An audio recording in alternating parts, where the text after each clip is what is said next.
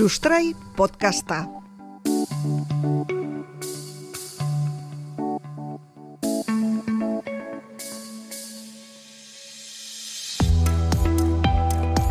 Komunikazioari buruz dakitenek esaten dute gomendagarria dela ideia baikor batekin nastea hitz egin behar duzun bakoitzean.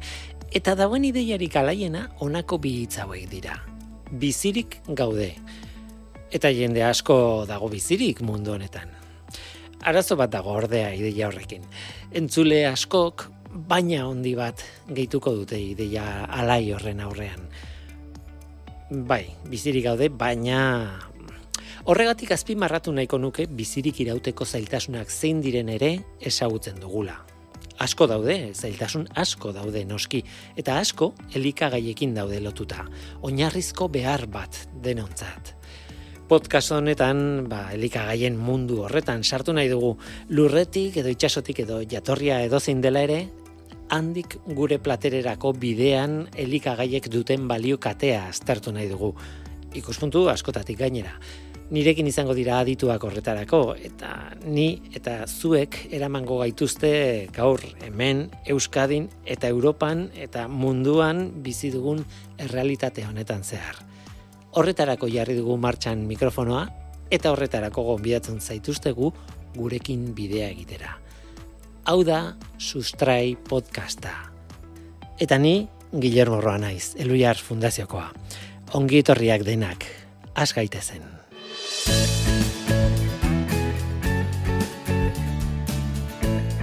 Bada elikagaiei lotuta dagoen kontu bat, eta nik esango nuke gaina garai guztietan errepikatzen dela kontu hori. Elikagaien xauketarena. Ez dakit munduan elikagai nahikoak ote dauden populazio osoari jaten emateko, asko esaten dute baietz.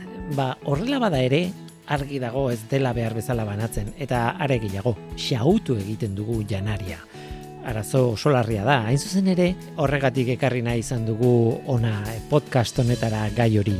Sustrai honetatik begiratuta, janariaren xauketari buruz hitz egingo dugu.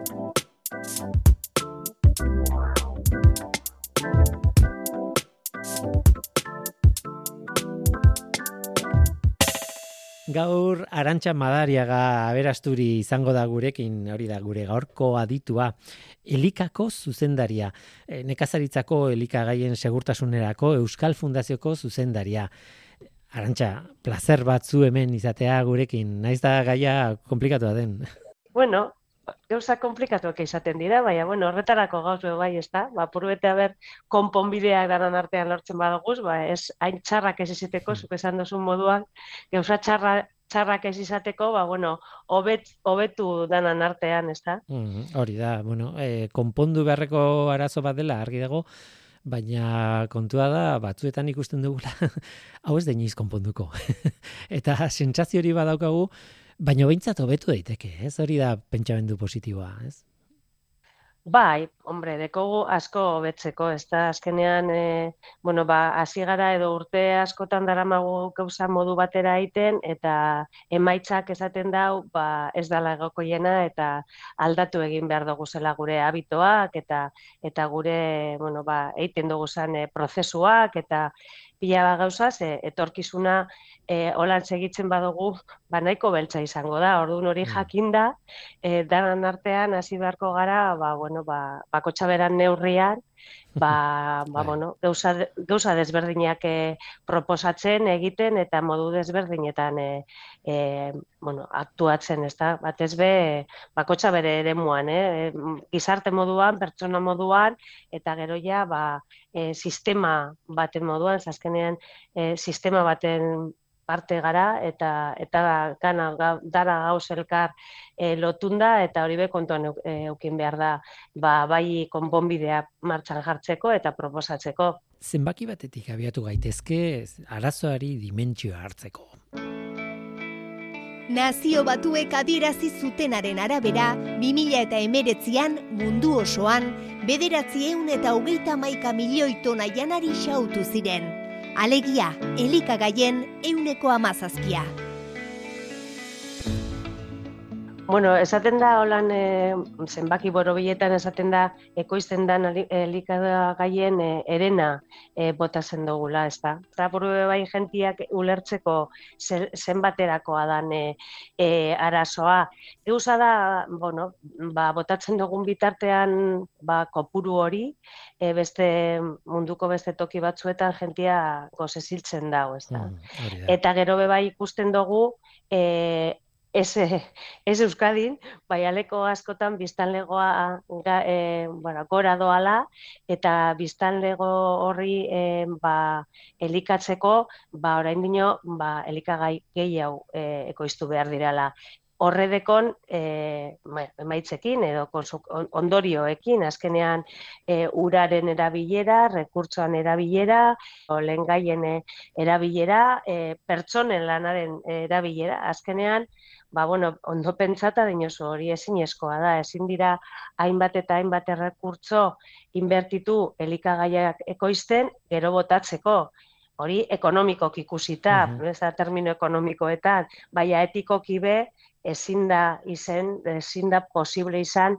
ba, munduko zati baten hainbat eta hainbat elikagai botatzea beste zati baten gozea dagoen artean. Eta hori ja kontuan eukin da, em, ingurumenari zelako eragina daukon e, ba, ba, elikagaien e, ekoiz, ekoizpenak. Bai, gainera, kasu asko dira, edo egoera asko dira, e, kontrolatu behar direnak, elikagaiak bildu egiten dira. Hau dena, atera dut e, e, zuen elika.eus web horritik, eta, eta egia esan, irakurtzen dituzun arte, zara konturatzen, baina gero esatezu, noski, noski, hau horrela da.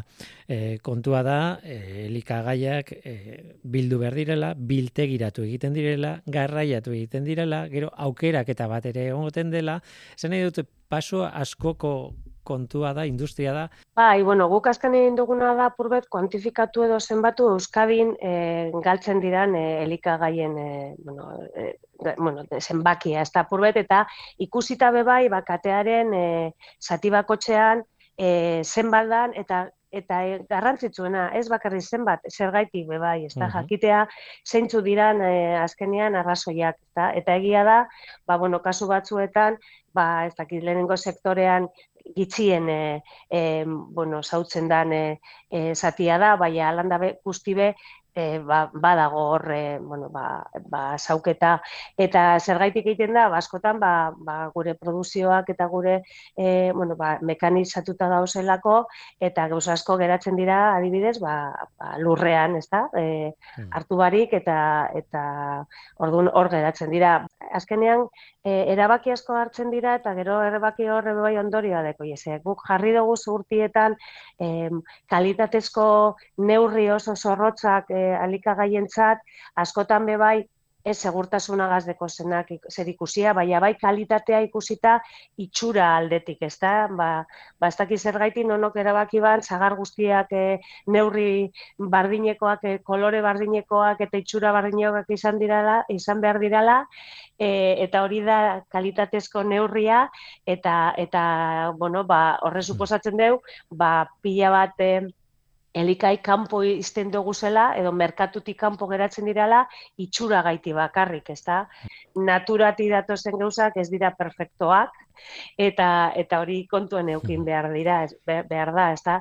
Eta horrelako gauza e, ba, suposatzen dobe bai, boronate honak inetzen zirala, edo erabaki zirala momentu baten, bai azkenien bebai ondorioa deko jese, ez da. Eta azkenean kontuan euki behar da, itxurak ez dekola zer ikusirik beste e, baldintza batzuekin, bai segurtasunaekin, bai osasuntzua edo izatea gaitik, edo bere propiedade organoleptikoak bebai, ba, e, itxura ez bada behain polita e, dana dekoz. Orduan, e, bueno, ba, akatz asko e, egiten dira e, igual legea betetzeko, ez? E, azkenean e, horrek e, neurriak eta kalitatezko neurria legeak e, jartzen ditu, baina gero ikusten dugu zelako ondorioa deko jesen, ez da? Eta holan, ba, e, katearen ba, ka, e, bueno, zati guztietan, eh? olako guzak bai jasotzen dira, ez da? Bai, nolakoa garen, eh? Bai.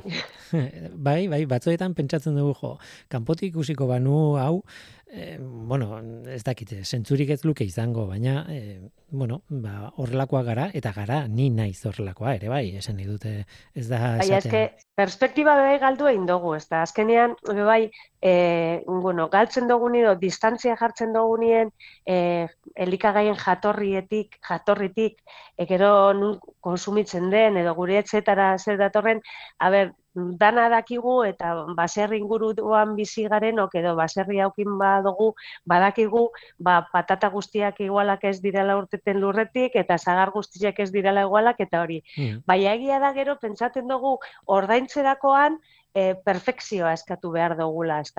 Eta, eta ba, ba, bueno, da apurbet kontra esan abe bai, askotan, e, astut, astuten dugun nundi gatozen edo zein da oinarria, eta baloratzen dugu beste goza batzuk, e, ba, bueno, ba, ba, ondorio batzuk e, eukinda, eta gero, ba, sortzen dira e, deko guzen arazoak, ez da? Mm Baina, bueno, ba, gube ez gara imperfektoak, ez da?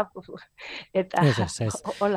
ez gara imperfektoak, eta, bueno, garinera esan behar da, bueno, e, badudela, nola, mekanismoak nola baitz, hain politak ez diren pieza horiek eta beste nolait aprobetxatzeko hori ere egin izan da eta egiten da gauza askotan baina guztira ez da iristen, baina zuk esaten zenuen hori da, e, elikagaien xauketaren problemaren zati txiki bat o arlo bat, baina gehiago daude.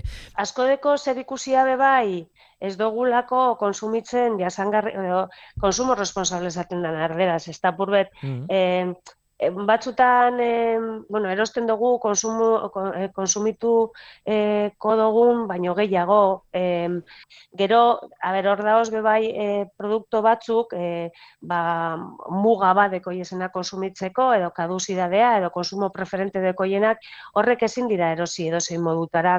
Kontuan eukin behar da, noiz konsumituko dozun, eta denporaz konsumitzea, horren kontrola bebai eraman behar da. Askotan, ba, bai e, armailuetan edo bai e, osgailuetan sartzen dugu gauzak eta gero ez dugu kontrolatzen e, e, iraupen datak. Eta hori da bai e, transformazioan, bai distribuzioan eta etxeetan askotan arazo handiena e, zautzeko, ez da? E, horbe, ba, kontuan euken behar dira horrek gauzak. Erosten dugunean bebai buruagaz erosi behar dugu eta zentzu, zentzu osoan apurbe kontuan planifikatu apurbe gehiago gure erosketak eta eta bebai ba azkenean razioa bebai ordun bebai habito horrek eh, bueno ba orain arte holan holan eh, eh, ibili gara urteetan eh, bueno ba además eh, eskuntza aldetik edo edukazioa edo habitoak holan izan dira ba kantitate handiak eh, ba bueno ba que no falte eta eta hoy momentuan ba, bat, e, bai erosketak egiteko momentuan, bai razioa kalkulatzeko momentuan, e, bai, e, ba, bueno, ba, e, horretan erabakietan, ba, bueno, pentsa egin behar dugu apurtxu bet gehiago, e, segero horrek ondorio batzu dekoz, ez da? Ekarri nahi nuen, e, bueno, orain dagoen e, likagaia xautzearen aurkako legearen proiektu bat e, hor dagoela kontatu nahi nuen. E, ondo irakurri baldin badut behintzat, ministroren konseiluak honetxi egin zuen ekainean, ekainaren hasieran eta e, parlamentuak e, berresten baldin badu, e, 2023ko urtarrilaren bian jarriko da indarrean lege hori eta e, kontua da Espainia estatuan dagoen e, horrelako lehenengo legea dela. Bueno, a ber, mm, Katalunian harinautik egin olako lege bat. Mm, antzeko, antzeko lege bat, bebai, e, e, oindala urte bi edo lan onartu zan, apurbe bai murrizteko eta kontrolatzeko gehiago enpresen e, kasuetan eta hori, e, ba, bueno, ba, ez, ez jasotzea horrelako e, zauketarik. Bai, egia da, oin momentuan, bueno, a ber, e, legea oso zorrotza izango da, e, suposatzen da, ez dakigu, ze informazio handiri bez dozkue, erkidegoet tara ez da bialdu informazio e, askorik zerriborroak eta ikusi dugu, bai ez, ez dekogu informazio e, askori, baina bueno, mm, e, bete behar asko daoz enpresa, enpresentzat, enpresa mota desberdinetako, osea, elikagaien inguruen daozen enpresa desberdinentzako, baina ni falta motaten dut eta beti esaten dut ondo dagoela derrigorrezko neurria jarri obligazioak, santzioa bebai jartzen dira, baina bebai e, esko bategaz hori ipini behar da, baina beste esku bategaz ipini behar dire konponbideak. Eta ni faltan botaten dutena da konponbideak. E, zuk ezin dutzu egun batetik bestera enpresa bateri esan zure eszedenteak edo zure e, bueno, bai, eszedente mailan e, ikusi, ikusteko, eh? E, gestionatu eta desagertu egin behar dire eta bideratu egin behar dagozuz beste e, erabilera batzuetara, baina horreri bebai e, lagundu egin behar diako, ez da, gauza bat batetik bestera e, egiten egiten dana, orduan, e, nire, nire kezka da hori, osea, e, datorren urtean mm, egun batetik bestera martxan jarriko da lege hori, baina pila balan dago e, konponbideek e, barriak eta sortzeko eta aurkesteko momentuetan. Eta guk adibidez Euskadin horretan gabiz, ezta? Bueno, guk neurtu dugu zein dan gure gure zenbakia edo zein da gure egoera, ikusten dugu aukera asko da oso hobetzeko, pila bat excedente da e, kudeatzeko, baina segun zen motatako eszedentei irtenbideak eta konponbidea desberdina dira. Eta hor, agente asko jarri behar gara elkarlanean irtenbideak e, lortzeko. Bai, berrerabiltzeko, ba, ez dakit donazio aldetik, eta horrela, ba, e, beste pertsonen ganatu gana eroateko hori, edo animalen e, e, janaria bebai sortzeko edo berziklatzeko beste motatako material batzuk adibidez ontziak edo e, sortzeko e, ez da hain erreza esan gestionatu zure estedenteak eta egun batetik bestera hori e, eitea. E, konponbidea bebai e, e, maiganean jarri behar dira, enpresa horrek bentze jakiteko nola gestionatu, ez bakarrik gestionatu e, beharra eukitea, baizik eta e, zeintzuk diran konponbideak. Orduan, e, ba, bueno, ba, azkenean legea beti ba, arintzen dauz prozesuak eta ja ba, hor, bueno, espada damokles hori deko zunean, jentia aktibatu egiten da, baina ez da bakarrik aktibatzea, ze askotan enpresak esaten zue, bale, eta zer ingo dut honegaz, ondakin egaz, edo honekaz su produktuekaz. E, ni pres nao e, konpontzeko nire nire estedenteari gestionatzeko, baina nok emongo dozte konponbidea, ez da? Hmm. Eta ni betzate gauza bi alandu behar direla e, modu paraleloki, ez da? Eta, hmm. eta ez da inerreza eta horretan gaoz bebai e, lanean, ez da, apurbet laguntzeko bebai, e, ba, lege horreri aurre iteko, ez da, eta, eta hor lan asko deko aurretik, eta dana lana da, ze hor implikatu egin behar dugu, ez bakarrik kate barruko enpresa, baizik eta laguntza beharko dugu, elikagaien katearen kanpo da ozen beste enpresa batzuk, ze hortik iguala aldira etorri bebai e, konponbideak, ez da? Orduan, ba, bueno, prozesua eh, ez da izango egun batetik besterakoa. Mm. Europara ere begiratu dezakegu, han badituzte hainbat lege hemen jarrita egoa, edo hemen oraindik ez da indarrean sartu, beste toki batzuetan bai, bada e, sart, e, indarrean da sartuta dauden hainbat lege, hainbat estatutan, e, baina baita ere bestaldetik, Europar batzordetik, e, ADEA izeneko erakundearekin, Health, European Health and Digital Executive Agency, bueno, e, diru laguntzak e, planteatzen dituzte, eta, bueno, pro, alako programa bereziak ez.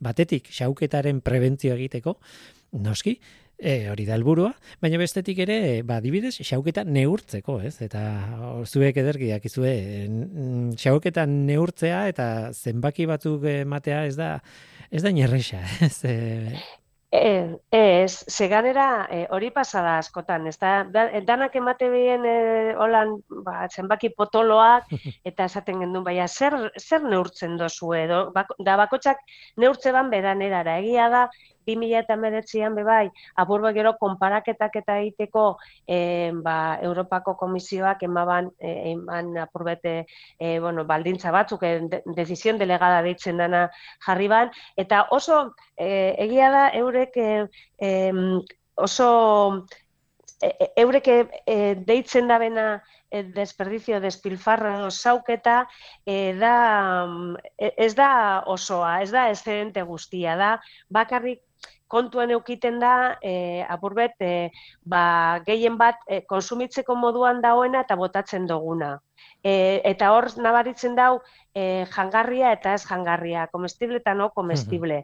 Baina kanpoan adibidez, e, de, e, proceso, procedimiento horren kanpoan lagatzen deuz pila bat konzepto e, produktuak eta beste gauza pila bat askotan ez dirala heltzen be e, pertsonen geratzen dirala hor harinauko e, zatietan, ez dala kontuen okiten eta azkenean pila bat dira. Eta guk, indoguna da, lehenengoak izan gara be bai e, e, neurtzen e, komision delegado, decisión delegada horren e, irizpidea kontuan eukinda, ez da izen erreza, ze konzeptuak ez dira hain argi hmm. eta esplikatu egin behar dire, bebai, eta ez dira izan hain argiak e, bebai e, jentien gana ba, joateko eta eskatzeko e, datuak, baina e, alde batetik Europara begira eta Europara bialdu dugu, behar dugu zenbakiak dira Euskadin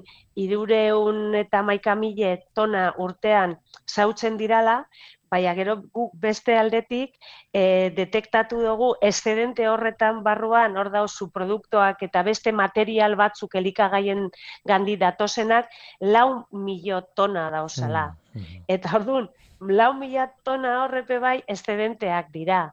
Eta lau mila tona horreri bai irten bide bat emon behar dako je. Orduan, e, bakarrik konzeptuetan, e, gabizamen bakotxa, oza, aberoin, e, danan artean bateratzen badugu ze konzeptuak, ez da? Baina hori prozesua besta izen e, erreza eta ez da izango e, erreza, ze bakotxak neurtu dau, beran nahi izan, dugu, e, izan dauen moduan.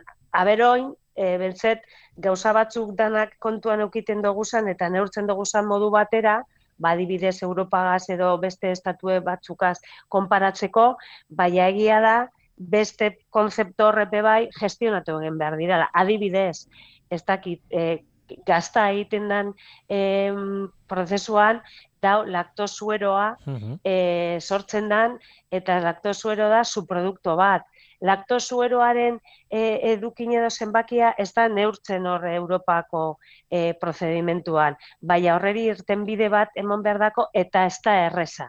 Ze gehiena ura da eta ura kudeatzeko ba hor, e, bueno, ba, ba ez da erreza izaten transportean edo irten bide bat emateko. Orduan, mm. e, da, oso zabala eta despilfarroa edo desperdizioa deitzen duguna Europako mart, mart, e, jarri daben prozementuen aldetik beste gauza bat. Orduan, e, matiz asko daoz eta konzeptu asko daoz, eta guk hmm. alegindu gara bai bak, bakotxa berantokian e, e, jartzen eta konzeptualki bentzet dana jakitea zer dan gauzaban bakotxa, ze bakotxak e, bai e, arazo desberdinak eukingo dabe, ze adibidez transformazio aldetik eukingo dabe zu produktu asko, hmm. kanpoan geratzen diranak, bai aurreri bebai irten bide bat eman behar dako je. Hmm. Distribu, distribuzioa gehien bat eukingo dau, o comestible edo no comestible, baina e, horreri bebai erantzun bat eman behar dako, baina erantzunak eta irten bideak oso desberdina dira. Ordu norraiti dinot, e, ez dala hain erreza como prohibido de despilfarro. Ez, bai, bai, bai.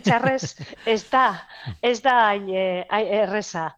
Eh? Baina, bueno, ba, horrek arintzen badeuz prozesuak eta danan martxan jartzen badugu, eta danan agendan eh, zauketaren eh, murrizketa jartzen badugu eh, hori ba, kudeatzea, ba, fenomeno, baina bai. ez da izango e, lan erreza, eh? baina, bueno, ba, danadeko gule sobetzeko, Zabaldu, ba, bueno. zabaldu egiten dugu bidea behintzat, eta hori behar beharrezkoa zen hasiratik. E, hau da gai bat, e, e, itzeginala, e, adar pila bat ateatzen diela, eta zabaltzen joaten dana, eta eta egia da, oso oso kontu zabala eta garrantzitsua dela. Ni beti esaten dut kontuan ekin behar dugula danok, e, elikagaien prezioan hartze, e, atzean balorea dagola.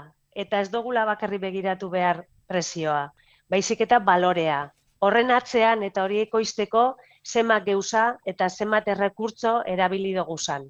Hori da benetako elikagaien balorea, espresioa bakarrik. Orduan, eh, hori kontuan eukin da, igual erabakiak hartzeko momentuan, ba beste modu batera eh, egingo dugu. Hori da, elikagaien, elikagaien benetako balioa. Arantxa, madariaga aberasturi eskerrik asko, eta, bueno, e, bidea ireku dugu podcast honetan, eskerrik asko lehenengoa izateagatik, eta bidean ikusiko gara. Eskerrik asko zueri.